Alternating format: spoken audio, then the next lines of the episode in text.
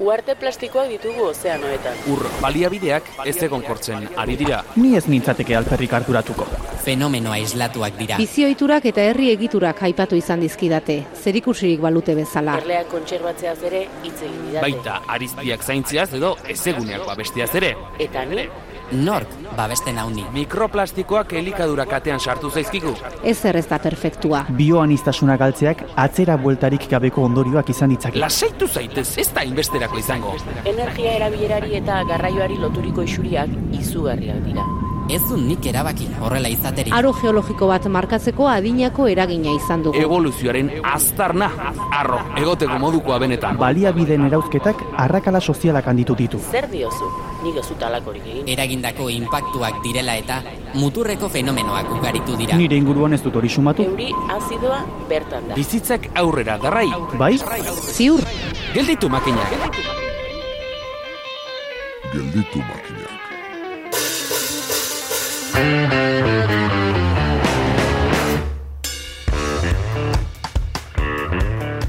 Ederra geratu zaigu COP hogeita zazpiaren biharamuna. Herrialde aberatsenek garapen bidean daudenak diruz laguntzea itzartu dute klima larrialdiaren ondorioei erantzutea errazteko. Ez dugu esango garrantzia izan ezin duenik eta era berean ez dugu esango adako gai eta egoera batean izan den adostasun bakarra ekonomikoa izan denik.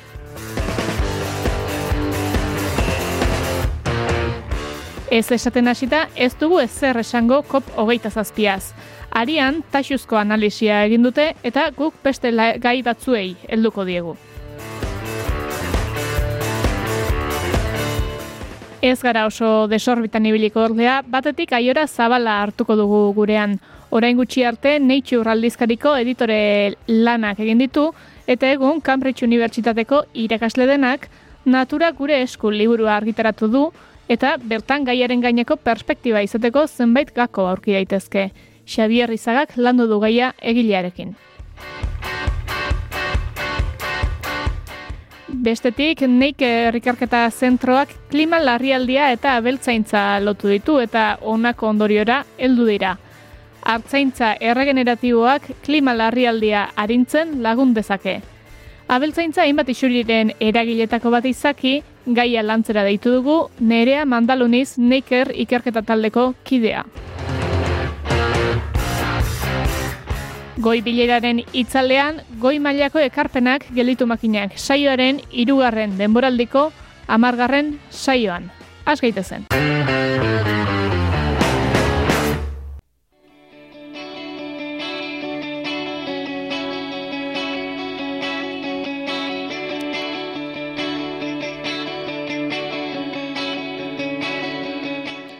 Aiora Zabalak urteak daramatza panorama ekosozialari lotutako gaiak arlo akademikotik lantzen.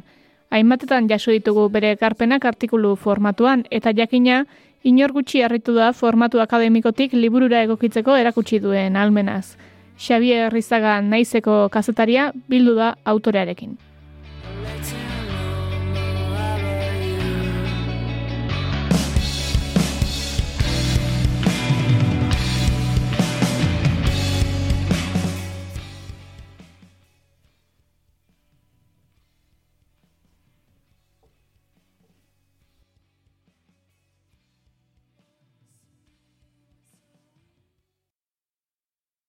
Zure lan hori, ba, ez dakit lan bitxia nola bai, ez da oikoa, ez da, eh? Da, ingurumenaren gaineko informazioa ikerketak, eh? zenbait ikerketen berri, eta, eta bueno, edo horien ondorio, ez da? E, ikerketa horiek informazio hori jendarteratzeko saiakera da, ez da? Ez? Hori da, hoixe da. Horren inguruko hausnarketa eragiteko, ez da? Helburu horrekin egin da, bai? Hori da, bai, ba, ni, bueno, e, ikasketen bidez eta aurrez, aldez aurretik ba, ere eurintzen urte pare batez, bueno, la urtez em, e, zientzia aldizkari batean, eta hor, ba, ezagutza pila bat ikusten duzu giza eta ingurumen zientzietan dagoen e, ezagutza asko, eta ni pentsatzen nuen oso baliagarria dela e, eguneroko erabakientzako, eta oso interesgarria izango litzatekela ba, mm, ezagutza hori plazaratzea, ez? Eta askotan ba, akademikoak eta gure, gure txokoetan gelditzen gara, gure hizkuntzarekin gauzak komunikatzen eta eta eta niretzat hori pena zen, ez? E, hori hor gelditzea zeren ba, askotan lagunekin, familiakin da ez izate jugu, ba, ez dakit, e, solasaldiak eta galdetzen diate, ez? Zer egiten duzu, zertarako balio du horrek eta bar, eta bar. Eta, eta horregatik pentsatzen nun oso aproposa zela hori ba, e, irakurlego zabal batera e, eramatea. Baita ere, bestaldetik zeren ingurumen erronkak oso handia direnez, ez du askotarak, bueno, e, ez du horren beste balio gure txokoetan gelditzen baldin bagara. Erronka hauek denen artean egin, bueno, e, mm, e, e, atajatu behar dira, borrokatu behar dira. Etzai borroka itza asko gustatzen, baina bueno, e, denek ekin behar diogu eta eta horregatik oso garrantzitsua iruditu zitzaidan ba, e, hausnarketa hori ba, pixka plazaratzea, eta eragitea, ba, bueno, e, elka, e, konversazio gehiago, ez? Honi buruz e, jendeak gehiago pentsa dezan, edo, edo hitz egin dezan, ez? Bai, bai, bai, hori da, hain zuzen ere galdetu behar nizun eta hori esan duzu hori. E, aldizkari zientifikiko bateko, bueno, e, zera, Nature Sustainability aldizkariko editoria izan zara, ez da? Eta, bueno, eta hortaz ere galdetu behar nizun hain zuzen ere, ez? E, zera, ze muga dituzten artikulo zientifikoek, ez da, jendarteratzeko orduan. Ze mugak, e, komunikaziora, bai, komunikazio aldean, ba, em, aldizkari asko dira nahiko espezializatuak, eta orduan dakaten hizkuntza jargoia, e, nahiko zaila izaten da, e, jen, bueno, e, horretan espezializatua ez dagoen jendearen txat hori ulertzea, ez? Eta baita ere, ez dira, batzutan oso luzeak dira, estrukturaz eta ez dira komunikatiboki ez dara, ez dira oberena, ez? E, nik egin aldizkarian nahiko e, irakurle zabalago batera e, behiratzen zuen, Eta, eta horretan basegon lan pila bat ba hori e, hizkuntza e, errasteko, simplifikatzeko, jargoia alde batera usteko eta orduan artikulu horiek irakurri daitezke Nature Sustainabilityko artikuluak adibidez irakurri daitezke naizta horretan aditua ez garen, ez? Baina baita ere badira e, beste artikulu moeta batzuk non artikulu zientifikoak laburtzen diren eta e, eta gauza nabarienak e, ateatzen diren, ez? Adibidez, basogintzari buruzko artikulu bat, ba, e, publikatzen da eta horren gainean beste artikulu txiki bat egiten da non e, agertzen diren, ba, gauza garrantzitsuenak e, askotan politikarientzat zuzenduta eta bestet, bestetan ba, besterik gabe interesatua dagoen e, edo norrentzat, ez? Mm bai badago, bueno, e, da, e, beste erronka bat, ez? Erronka txikiago bat da, ba, e, ezagutza guzti hori, gizarteratzeko e, erro, e, bueno, gizarteratzea erronka da eta baino oso, oso garrantzitsua da hori pasatzea zeren ezagutza hori ez du askotarako balio hor gelditzen baldin bada ez? Mm bai, hori da.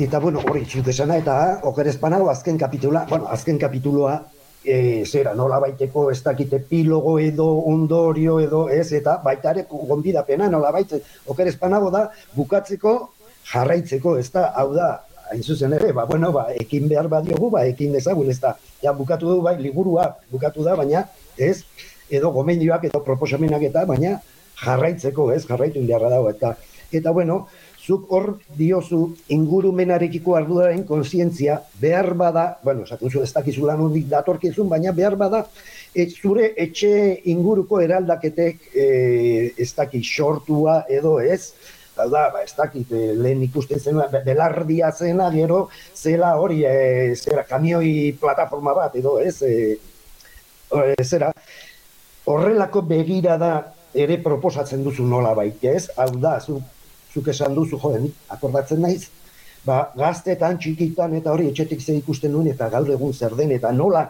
e, ze garapen izan duen hor, prozesu horrek, ez da?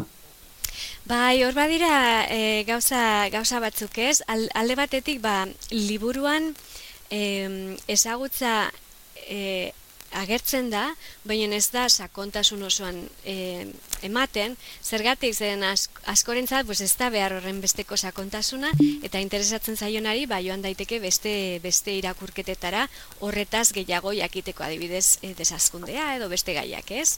Eta, mm, eta horregatik, bai, e, bukatzeko jarraitzeko izenburu horrek e, esan nahi duena da hori ba ezagutza hori guzti hartuta edo hausnarketa guzti horiek hartuta ba pentsa dezagun urrengo pausuan ez? Eta esan duzun bezala um, e, Badago ata, kapitulo bat non e, galdera da nondik datorkigu motivazioa ingurumenaren alde egiteko, ez? Ta motivazio hori izan daiteke oso diferentea, nire kasuan ba agian izan zen e, txikitatik hori ikusten nuelako, ez?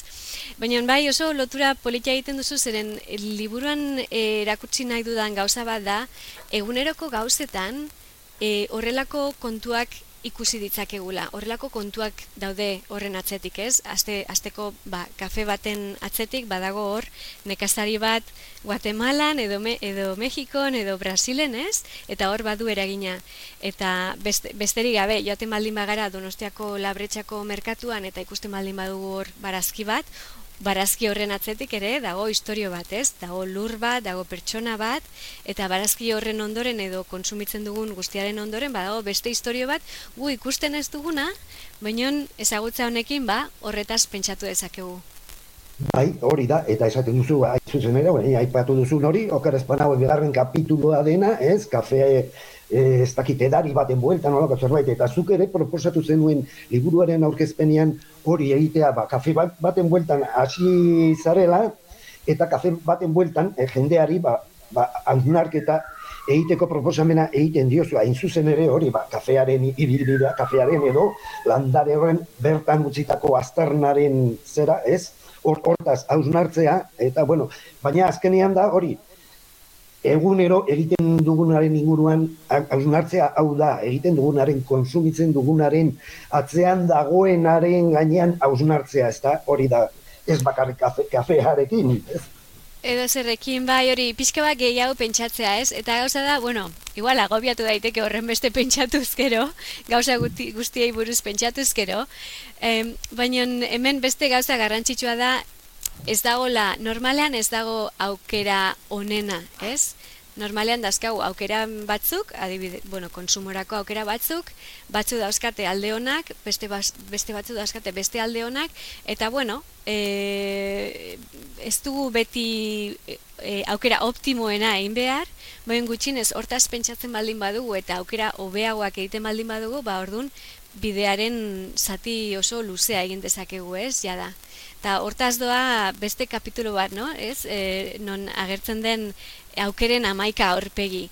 Ba, kontsumorako zerbait e, e, hautatzen ari baldin bagara, adibidez esneak edo landare dariak eta bar, ba, aukera horretan ingurumenaren alde badira e, e, zaugarri pila bat, ez? Ba, lehenostik nondik datorren, ba, etortzen baldin bada e, osagaia Kaliforniatik edo, edo etxe ondotik. E, bestaldetik, ba, e, osagai hori azteko zer behar izan den, e, ongarriak, e, pestizidak edo lur sail handi bat, ez? Ba, horrelako e, konsiderazio asko, eta e, gatik, horren bestelako konsiderazio da denezkero eta elkarlotu da denezkero aukerak nahiko komplexuak iruditu e, daitezke askotan eta eta horregatik ba gelitu daitezke hola izosturik esaten da bezala ez erregin gabe ez dakibulako ez erregin ez?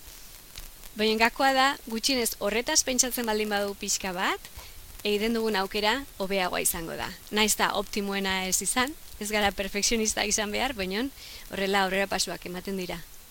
Bai, esan duzu hori, ba, bueno, norbera gelditu da ditekela, nola bai izuztik Zer egin, honen aurrean eta ez, ba, ez dakit, e, batek baino gehiago esango du, bueno, ba, eta honek nola, ze, zu, mezu positiboa transmititzen duzu. E, tonua bera ere, alakoa da, ez, alakosia da.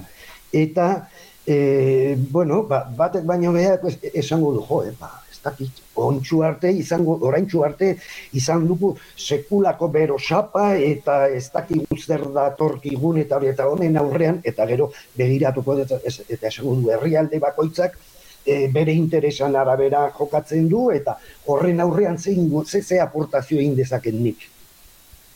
Ja, oso txikiak e, sentitu gaitezke ez, Hemen, e, baikortasunaren mesuaren a, inguruan badira zenbait gauza.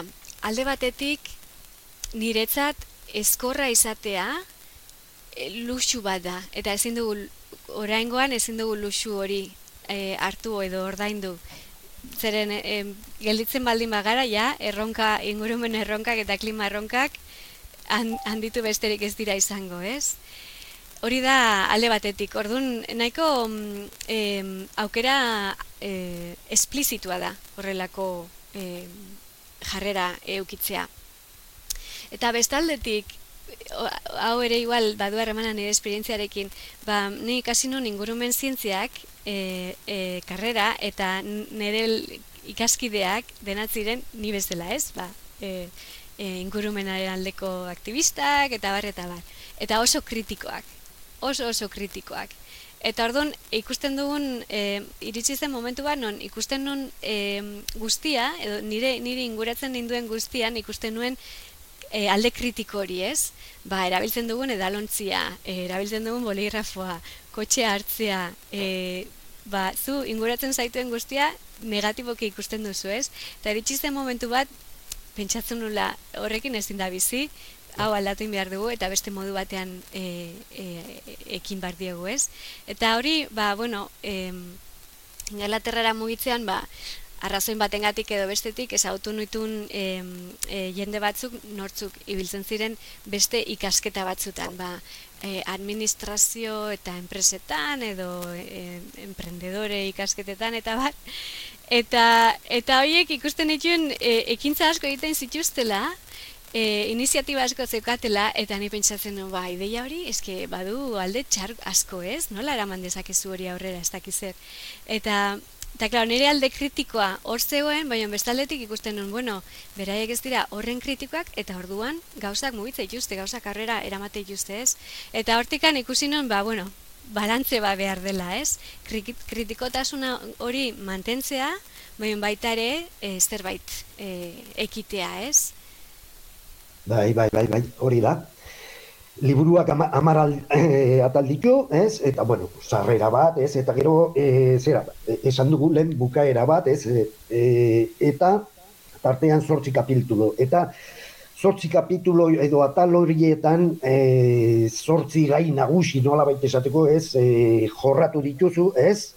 Eta, diozunez, askotariko irakurlegoa kontuan izan da hau, da, ez da, e, bueno, pues, ez dakit, e, edo norentzat baizik eta, e, zera, irakurlego edo irakurle zehatz batzuk, e, izan, edo mota zehatz batzuk izan dituz kontuan. Bai, em, mota bat baino gehiago izan dut buruan, eh? Baina alde batetik, ba, batzutan pentsatzen nun neure buruari, orain dela hogei urteko neure buruari idazten diola, ez? Gazte bat, interes askorekin, munduaz ikasten ari dena, eta mm, ingurumen larrialdiaz gehiago ikasten ari dena, ba, horrelako irakurle batentzat idazten nuen e, batzutan, besteetan, baita ere, eta hau kompatibleak dira, e, pentsatzen nun, ba, nire familiarengan edo lagunengan, batzutan ni neure historia kontatzen dizkiot, ba, baskarian edo edo kafe batekin edo ez dakiz zer. Eta eta bueno eta kontu hoiek e, istorio hoiek kontatu nizkion istorie kontutan izan da ba hoiek liburuan em, idaztea pentsatu nuen. Eta bestalde bueno e, e, hemen esan bar dut editoriaren em, iradokizuna oso oso ona izan zela zeren akademikoa bezala ba, daukagun ten, lehenengo tendentzia da idaztea ba, irak, irakasle ba bezala, ez? Bai. Asaltzea, teoria eta eta bar. Baina e, berak animatu ninduen idazteko modu pixka pertsonalagoan eta sartzeko hori e, anekdotak, bizipenak eta bar. Adibidez, e, ni, bueno, e, le, horren lehenengo hasia izan zena da, a, kapitulo batean, ba, Liburu hasten da, ni nabilela baso batean ibiltzen, hola triste, e, soinuak entzuten, argia ikusten, e, aizea sentitzen eta bar, eta pixkanaka pixkanaka basoan ibili ondoren, ja, lasaiago nago, e, hobeto nago, ez? Eta hori da, bizipen personala, eta horren arira, hasten da, kapitulu hori non e, azaltzen den ba, basoek guregan, gure osasunarengan daukaten onurei buruz hitz egiten duena eta ordun ja ba, ba ezagutza arilkatzen da. Baina beti ere hurbileko e, kontakizun batekin. Mhm, bai, bai, bai, bai, hori da. E, gai horietako bat da, ongizatea ez da. Eta, bueno, ongizatea neurtzeko komplexutasuna e, lakarzu izpidera, ez, besteak beste, eta, bueno, baina, claro, ongiz, e, hori izaten da, nola neurtu daiteke ongizatu, on, ongizatea, ongizatea, asteko denok e, e, ez gaude ados, ez zer den ongizatea, ez da, hau da, ongizatea ulertzeko moduaren arabera neurtzen da, ez da, eta behar bada ez da kitori da nire irudipena, binipein, e, zera, e, askuntzari, ez, e, askundeari lotuta dago kontzeptu hori nagusiki, nagusiki behintzat, ez, eta hori, bueno, zuk hori adierazten duzu nola ere hori mundua, munduko xauketa hori, e, zera, e, Mars Ganaien, e, zera, filme, gu, e, gu West, e, filmearekin, ez, hori metafora gisa erabiltzen duzu hori, e, e, hori xauketa, munduaren xauketa e, irudikatzeko, ez? Bai, metaforia hori, bueno, oso baliagarri da gauza askorentzako eta divertigarria ere, ere noski. Eta hemen e, hemen gakoa da, ba, hori e, ekonomiaren azkundea erabili dela, erabiltzen dela, e, herrialde baten aurrerapenaren e, adierazle bezala, ez? Nagusiki. Eta hori ikusita horretaz horretan itxu baldin bagaude, horren atzetik gelditzen den asko e, galduko dugu, ez? E, askuntza neurk, e, neurketa berezi horretarako gauza asko albo batera uzten dira adibidez naturaren xauketa ez da kontutan hartzen, edo etxean egiten ditugun lanak ez da kontutan hartzen, edo egiten ditugun opariak, gure lagunentzako opariak hori ez da, horrelako gauzak ez dira kontutan hartzen, ez? Eta orduan, e, e, askuntza ekonomikoa bakarri begiratzen baldin badugu, ba, beste gauza guzti horiek, e, albo batera utzi ditzakegu edo okertu ditzakegu. Eta hori da problema, ez? Gauza batean gure ikusmena, gure begirada fijo baldin badigu, beste gauza asko galdu ditzakegula. Eta gero esan duzu, bai, e, e, zaila dela ongizatea neurtzeko zerbait adostea, ez? Badira modu diferenteak. Hemen, e, ez da bai da hau, e, egon da, amarkada pare bat e, denbora, amarkada pare batez, ja, ba, e, ikerlarien artean hori e, askontza ekonomikoaren e, adirazlearen e, arreta hori gutxitzeko eta bar, eta eraberean egon dira ba, ongizatean neurtzeko e, aleginak, ez? Hemen kontua da agian i, adostasun hori horretara iristeko nahiko urruti gaude, bainon aurrera pauso oso handia litzateke gutxienez, e, askuntza ekonomikoa askuntza ekonomikoaz gain beste gauza batzuk ere begiratzea. E, gaientasun horrekin, ez? Horren bestelako garrantzia eman ez bakarrik askuntza ekonomikoari, baizik eta ba, zerbitzu publikoei edo ingurumen e, e, egoerari eta barreta bar.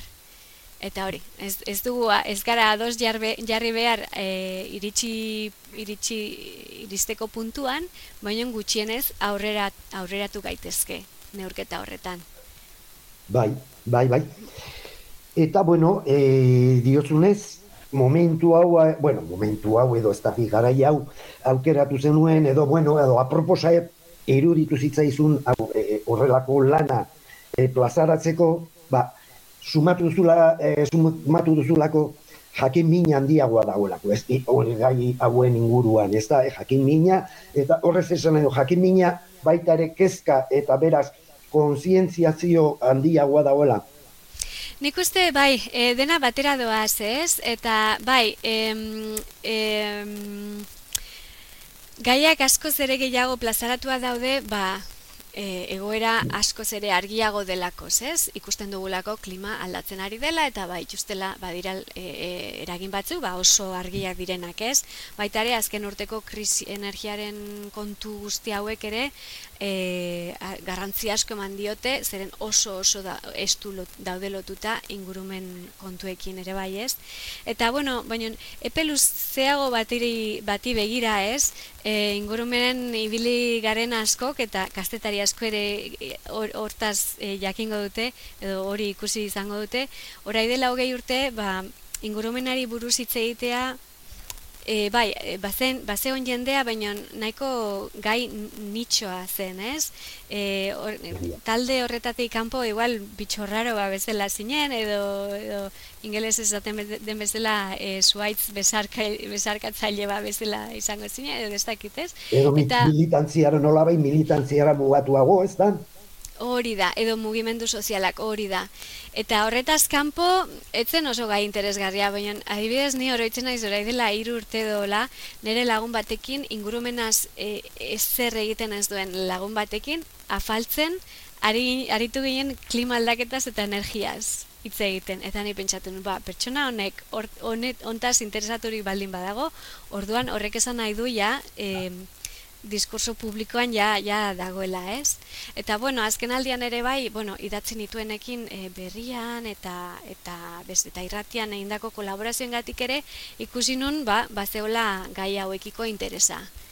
Eta, bueno, hortatik atera da, ez? E, momentu, nik uste momentu aproposa zela gai hauetaz hitz egiteko. Bai, bai, bai. Eta, bueno, eta pixka bat lehen, e, aipa, e, lehen aipatu dugu hori, ba, metzu positiboa, baikortasuna, eta baina diozunez, baikortasun errealiz, e, errealiza da, ez da? Hori da, bai, askotan baikortasuna erlazionatu dezakegu inosotasunarekin, ez? Baina ez, ez kontua da, bai, izan gaitezke baikorrak gauzak egin daitezkelako, naiz eta badakigun, ba, ingurumen aldaketaren joera globalak ez direla batere honak, ez? Hori badakigu, bai, baino era berean zerbait egin dezakegu, ba, natura oso bizkor pereskuratu daitekelako hor hortxe usten dugunean eta eta bueno, gauza politiak ikusten ditugulako e, guk zerbait egiten saiatzen garenean. Bai, bai, bai, eta hortaz ere badi arduzu liburuan bai egia. Eta, bueno, ba, bukatzen jueteko, eh, ez dakit, eh, ba, eh, zera, bururatu zait galdetzea, ze, bueno, asieran, ez azu, ez dela eta mapa hau, edo mapa hauek, asieran, ez, liburu asieran agertzen dionak, claro, ero irakurritakoan, ba, bueno, horiek dira zuzen ere, e, zera, aipatzen dituzun ikerketak eta esperientziak eta izan diren lekuei dagozkienak, ez da? Hori da, ba, liburuaren aurrean badago mapa hori eta mapa horretan agertzen dira liburuan agertutako e, ba, pertsonak, gauzak, landareak eta bar. Eta horren esan nahia da, bueno, alde batetik nire, niri mapak asko gustatzen zaizkit, ni e, gauza asko ikuste ditu mapetan. Eta horrekin nahi nuena zan irakurleak e, sentidezan kontu horiek hurbilak direla, guretzako hurbilak direla, kafea eguneroko gauza dela, Beinon, era berean mundu osoan zehar e, dauden gauzekin lotuta daudela, ez? Ba, nola bai, mundua bai handia da, bainon loturak asko dira eta gu gaur egiten duguna, ba, Ego Amerikan edo Indonesian gertatzen den zerbaitekin lotuta dagoela nola baitez. Bai, bai, bai, hola da. Ez dakit, e, zer, beste zerbait nabarmendu nahi baduzu, edo ez dakit e, gomendioren bat, edo ez dakit, edo zure liburua irakurtzeko e, arraz, bueno, nahiko arrazoi eman dituzu dagoneko, baina...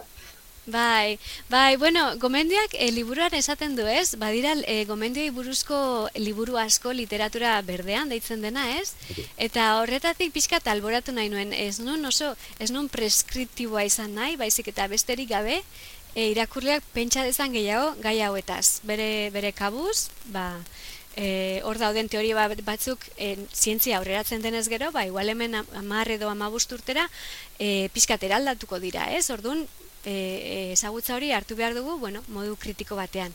Hori alde batetik. Eta bestetik, bueno, e, oso prozesu politia izan da, eta nik uste asko zere politagoa izan daiteke, ba, em, e, nor e, e, irakurlearen erreakzioak ikusita gero, ba, liburuak ideiaren bat ekartzen baldin badizu burura, edo historioren bat e, elkarbanatu nahiko bazenu, edo, edo beste gairen bati buruz jakin nahi izango baztuen irakurleak, ba hori jakitea ere niri asko gustatuko litzaidake. Zaki, so, me, social media bitartez edo emailen bidez edo beste modu batean. Mm Bai, bai. Ba, oso ondo, ba, mila esker, eta hori, ba, placer bat izan da. Zuri, Xavier, mi esker, eta bai, e, urren arte.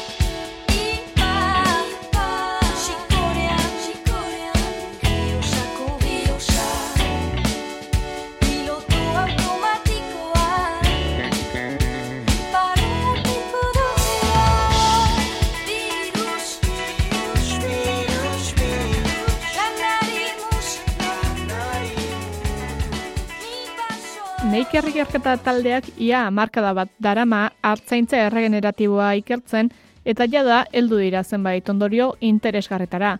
Esaterako hartzaintza erregeneratiboak lurraren emankortasuna hobetzen duela eta klima aldaketa arindu dezakeela dioen txostena kaleratu berri dute.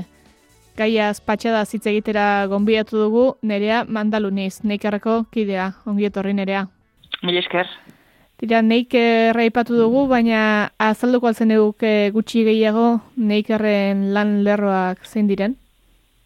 Bueno, ba, neiker da, e, bueno, neikerren bost, bost e, departamentu desberdin ditugu, bata da bere ekoizpenekoa eta ni horretan abilanean, beste departamentu bada bere osasunekoa, e, beste batean lan egiten dute landare bai ekoizpenean eta osasunean, badago beste bat baso, e, bueno, ba, basoaren inguruan lan egiten duen departamentua, eta bosgarrena da e, naturbaliabideen kontserbaziorako departamentua.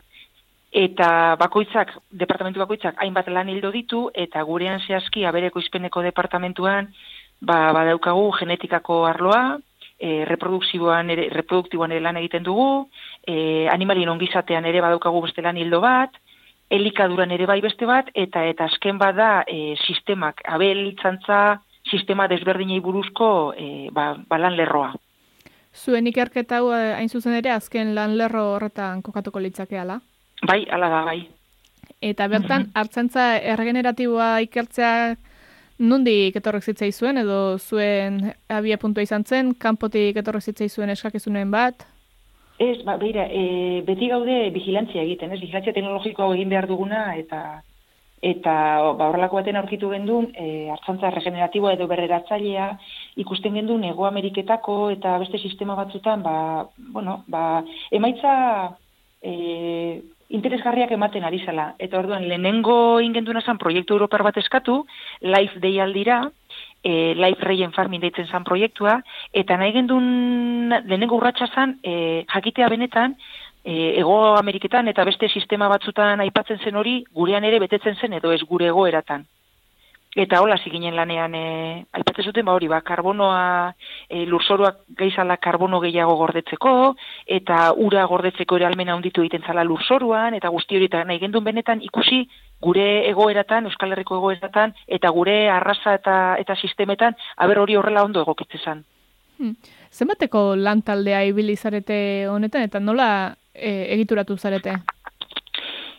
Jo, ba, laltande ondia. E, ia, ia urte dira eta jende asko pasatu da.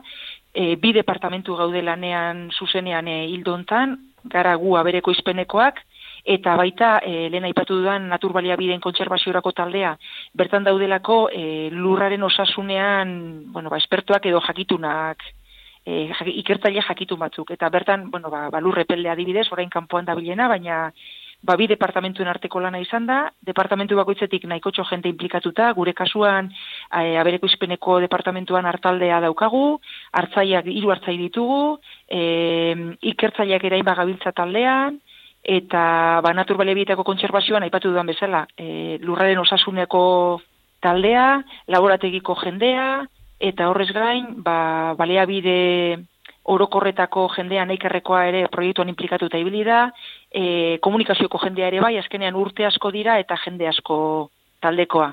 Ez dakit, e, kopurutan ez dakit e, zenbat izan garen esatea, baina asko. Eta gero urtero pasatzen zaizkigun ikasleak ere, ba, bueno, askotan implikatu ditugu, ba, momentuan egiten ari garen laginketan edo datu bilketan. Hmm.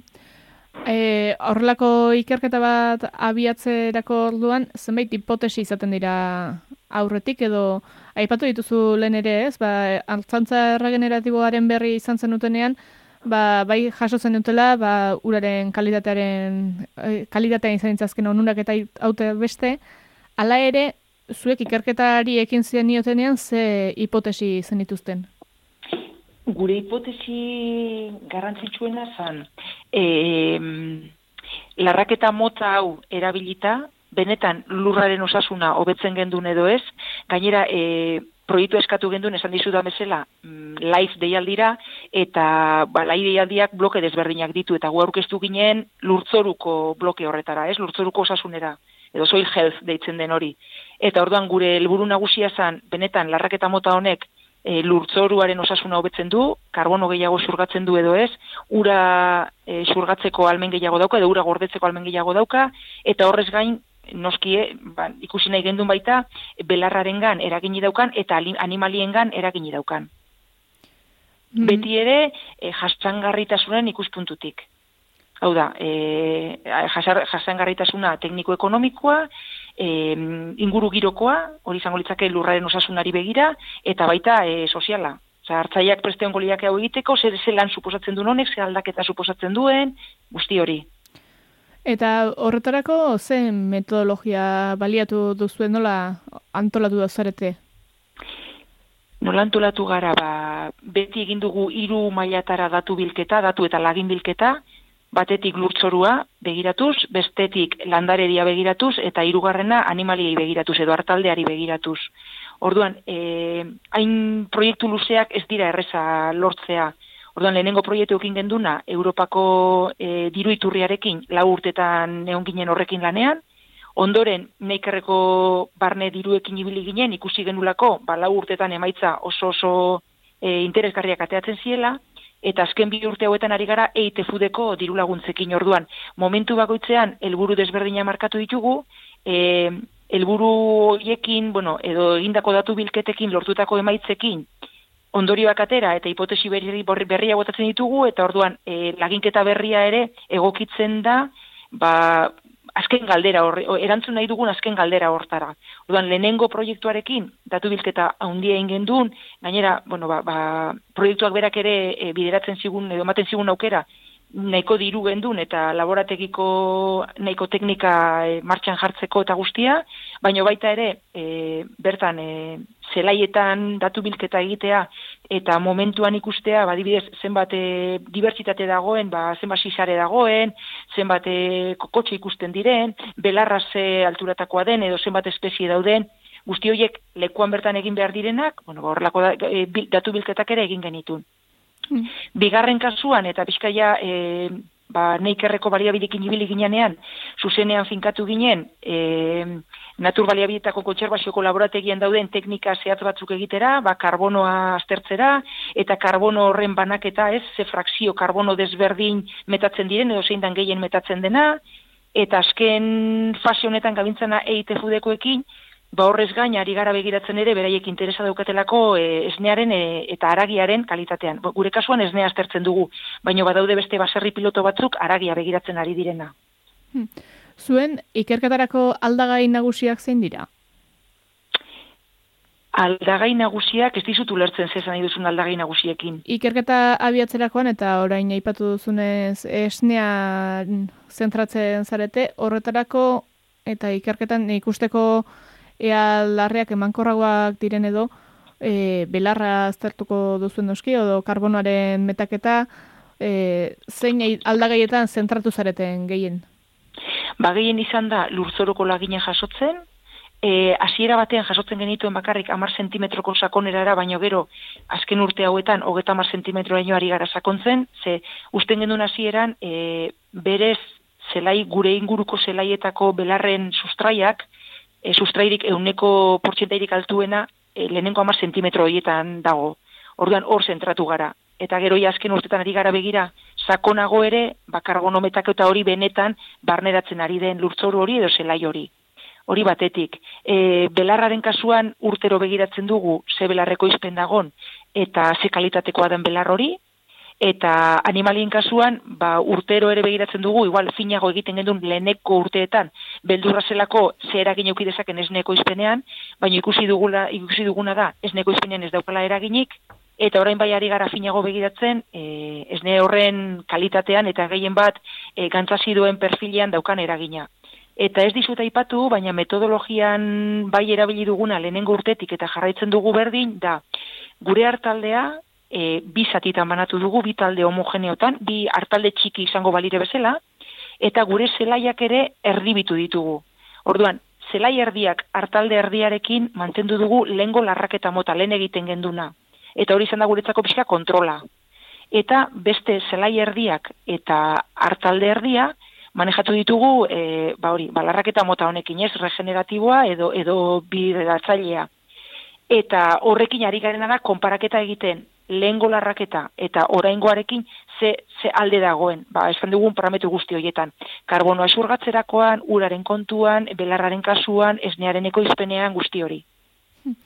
E, artaldea bizatetan banatu duzuen horretan eta artalde txikia aipatu duzu, baina hori ez da nahiko zehatza guretzako. Zenbate buruko artaldea zari gara? Ba, da berrogeita mar ardi heldu gehi urteko reposizioa, gutxi gora bera, eh? Hori eremu bakoitzean izango litzake? Ez guztira, hori da gure hartaldea. Egin duguna da erdibitu eta zebaiak ere erditik. Hmm. Orduan, e, barkatu, larraketa berratzailea edo regeneratiboak e, eh, iru gako bezala ditu, ez? Lehen egiten gendun larraketa motatik iru desberdintasun. Eta bateti da, e, daukasun belar zelai hori zati txikitan banatu, animaliak egunero zatiz aldatu, oza, karga altuan eta momentu laburrean animaliak horreuki, eta behin hortik atera direnetik nahiko denbora atxeden eman, lurtzoru eta belardiari berriz ere animaliak sartu aurretik. Eta hori da zaintzen ari garena, ba, lehen egiten gendun larraketarekin konparatuta. Eta larraketa eremu horiek zenbateko area izango lukete, pentsatzen dut erregeneratibo egitean area txikiagoak direla eta horre izango duela mugatxo bat? Mugatxo bat bai gutxienez egun baten ardi talde batek jandezaken belarra. Eta hori da, behar dan, behar dan e, satia. Orduan, satiaren tamaina da, ba, ze urteko zein momentutan gauden, eta ze belarraskuntza dagoen ikusita. Behin alako ikerketak eginda, zertara, zertara iritsi zarete, zuen analiziek ze emaitza eman daizkizuete? Ba, emaitzak, e, pizkat e, jundira jarri dugun izenburu potolo horretara, ez? E, nik uste, amar urtez bagine ibiliko honekin lanean olako izenburu potoloa ez geniola jarriko. Ba uste dugu, e, benetan emaitza interesgarrik direla, ikusten dugulako karbono gehiago zurgatzen duela lurtzoruak eta zelaiak onelako larraketa eginez, eta nik uste garrantzitsua dela gehien bat e, ematen diogun atxeden denbora hori, bai lurrari eta bai zelaiari berriz ere errekuperatzeko animalien perturbazio bat jason ondoren. Pizka simulatzea da e, naturako zikloa jarraituz, ba ez dakit, olako e, zelai zabaletan sabanan eta belarjalek egiten dutena, bapatean animali asko pasatzen dira, dena usten dute janda, zapalduta, txisa, e, gorotzak, hasiak erean zabaltzen dituzte, handi desagertzen dira, belarraren fenologiari jarraituz beste leku batzuetara, eta datorren urtera arte ez dira buertatzen berriz ere leku berdinera. Ez pixka da, ideia hori jarraituz mugimendu horiek e, simulatzea. Hmm. Nerea, aipatu duzu bi kontrol hartalde bat izan duzuela eta bestea ikerketara bideratu duta, beraz, bi hartalde maitzak jasoko zenituzten, eta eredu horien arteko alde nabarmenik jaso alduzu edo zertan izan dira antzeko eta zertan izan dira desberdin? Ba, lurtzoruan aipatu duguna, karbono gehiago metatzen dela, baita ere ikusi dugu e, lurtzoruko bioanistasuna handiagoa dela e, larraketa regeneratiboa egiten dugun lekuetan, belar gehiago ekoizten dela, eta aldiz antzekotasunak ba, ez dagoela desberdintasunik ez ekoizpenean, eta esne horren komposizioan koipe eta proteinari begira ez da ere. Eta ba, gantzazidoen perfila aztertzerakoan e, zertxo bait ikusten da, baina ez di e, gutxiago, espero genduena baino gutxiago, ze gantzazidoen perfilan eragin handia dauka, edo e, aldaketa handia da e, larratu edo ez larratu. Osa, benetan aldaketa hor dago gantzazidoen perfilan animalioiek larratu diren, belar berdea freskoa janduten, edo ez. Nola larratu duten, ez du hainbeste eraginik ez ne horren e, gantzaziduen perfilean. Hala ere, belar produkzioan dituta, e, hartzainari berari ekarreko dio nura geixiago ala? Bai, bai, bai. E, ikusi duguna da, orain gainera presioekin dagoen egoera honetan, ba, lehen gaien presioen egoera, e, ba, horretzako, belar gehiago etxean ekoizteak, autonomia gehiago ematen die eta seguruenik errentagarritasuna ere hobetu eta gero adibidez ba urtengo udan pasatu dugun lehorte honekin ba belar gutxi egon dela eta ikusten dugunez e, regeneratibo egin den zelai zatitxoetan ur gehiago e, surgatzen dela lurtzoruan ba horrek ere ikuste e, uda hau bezalako egoeratarako lagundu dezakela aurrera begira Klima aldaketari begira eta lehen aipatu duzu titular potoloa jarri zeniotela prentsa harrari eta zen da hori bera ez. Klima aldaketa harintzen lagundu dezakeela hartzaintza erregeneratiboak. E, zein dira horretarako aurkitu dituzuen faktoreak? Ba, gehien bat, e, karbono zurgatzea, haunditzen dela, eta hor, atmosferan daukagun CO2 guzti hori e, balurtzorura zurgatzea, eta landare bezala transformatzea, nik uste behar beharrezkoa dela, eta eta klima aldaketarako e, ba, mitigaziorako bide bat izan daitekela, eta gero bigarrena komentatu dizu dana, e, uraren, ura karbono gehiago egoteran, materia organika gehiago dago, orduan ur gehiago e, surgatu dezake lurtzoru horrek. Eta horrek ere aldaketa klimatikoari begira, ba, nik uste eragin zuzena daukala. Bai. Hala ere, ez alago pixka bat kontra jarria edo abeltzaintza klima aldaketaren ere eragileetako bat, edo klima aldaketan eragina duten, zenbait isuriren erantzule gisa jotzen da. Horrekin ez legoke pixka bat kontra jarria edo maila honetako e, estensio mailan ez du horren besteko eraginik?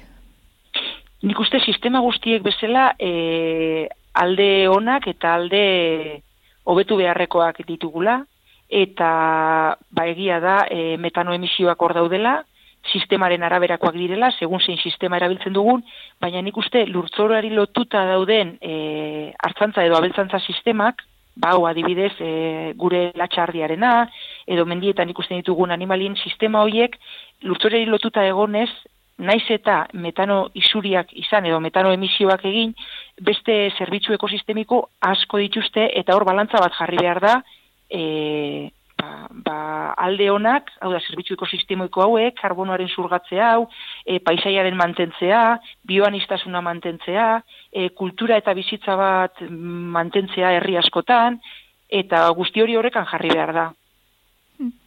Ardiekin egin duzuen ikerketa da honakoan, elea, Beste bai. animalia batzuekin berdin balia litekeela uste duzu?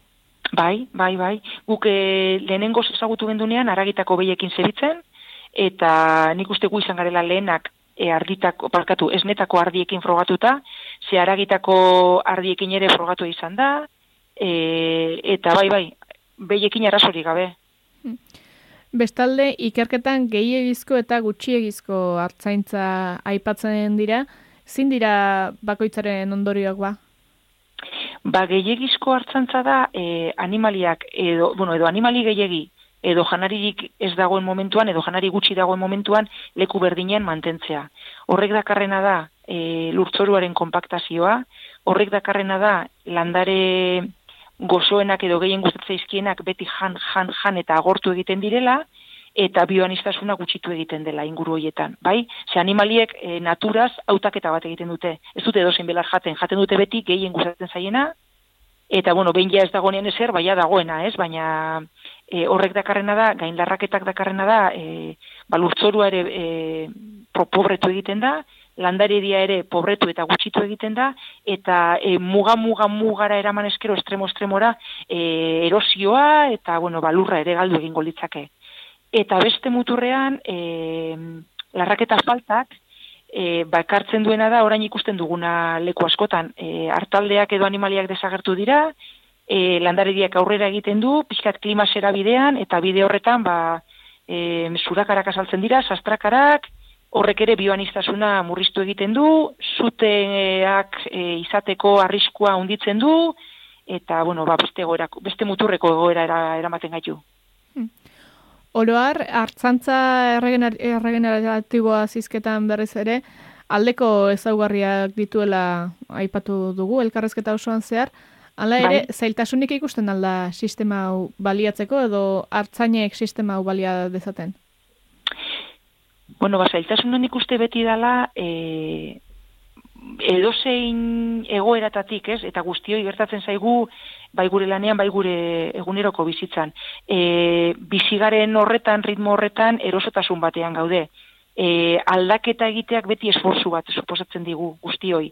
Orduan, lehenengo aldaketa hori, txip aldaketa hori egitea, nik uste hori dela lehenengo pausua. Behin hori eman da, e, ba, iru laukako ezagutu behar dira animaliak noiz sartu, noiz atera, belarrari asko begiratu bertzaio, e, igual formakuntza pixka bat ere behar da, e, eta horrek izango litzak ez pixkat zailtasunak ez, behin ja martxan jarrita, ba, egia da, e, pastor elektrikoa edo aria erosi behar dela, urpuntua kontutan izan behar direla, pixka bat e, egituratu behar duzula, e, zure zelai guztia nola jarri, animaliak nondi sartu, nondi katera, zenbat zati egin, guzti hori ere egin behar da. Baina nik uste aldeketarik nagusiena dela pixka bat, gauden e, ezagutzen dugun horretatik, ba, ba aldatzera eta zerbait ez ezaguna sartzera, ez, gure sisteman.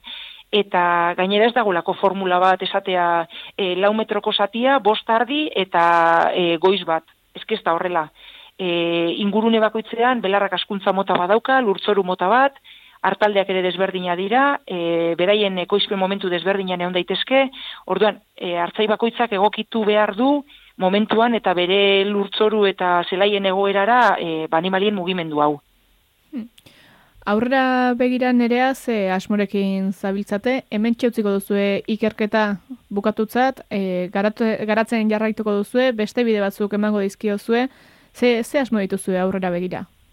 bai bai jarraituko dugu hildo honekin, gutxinez datorren urterako ere badaukagu ja diruiturria, orduan bai jarraituko dugu, eta gure aldetik e, nahi duguna da pixka bat sakondu, ba, bai karbono eta bai nitrogenoaren zikloetan, ikusi nola lurtzoruan ikusi dugun bioanistasun horrek nola eragiten duen bizikloietan, ba, beti ere aldaketa klimatikoari begira, lehen aipatu dugun bezala, eta orain aztertzen ari garena da, e, ba, bai karbono eta bai nitrogenoaren ziklo biogeokimikoak. Ba, ba eskerrik asko, ba horixe zen ai, zurekin itzei nahi genuena.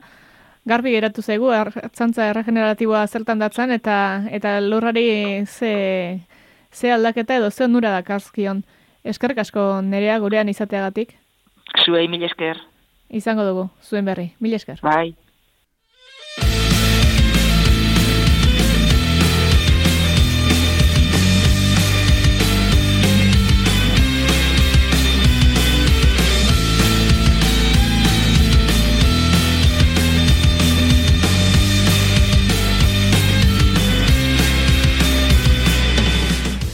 Tira, entzule naturan gure eskuartzea badogunez gero zer gutxiago arretaz begiratzea baino gure aktivitateak. Honekin itxiko dugu gure gaurko saioa, hau izan da, gelditu makinak saioaren, irugarren denboraldeko amargarren atala. Eta berriz non egingo dugun topo, ba gusto baduzue, amaikagarren atalean. Ongi izan? Ingo Andre Maria hartzen diat lagun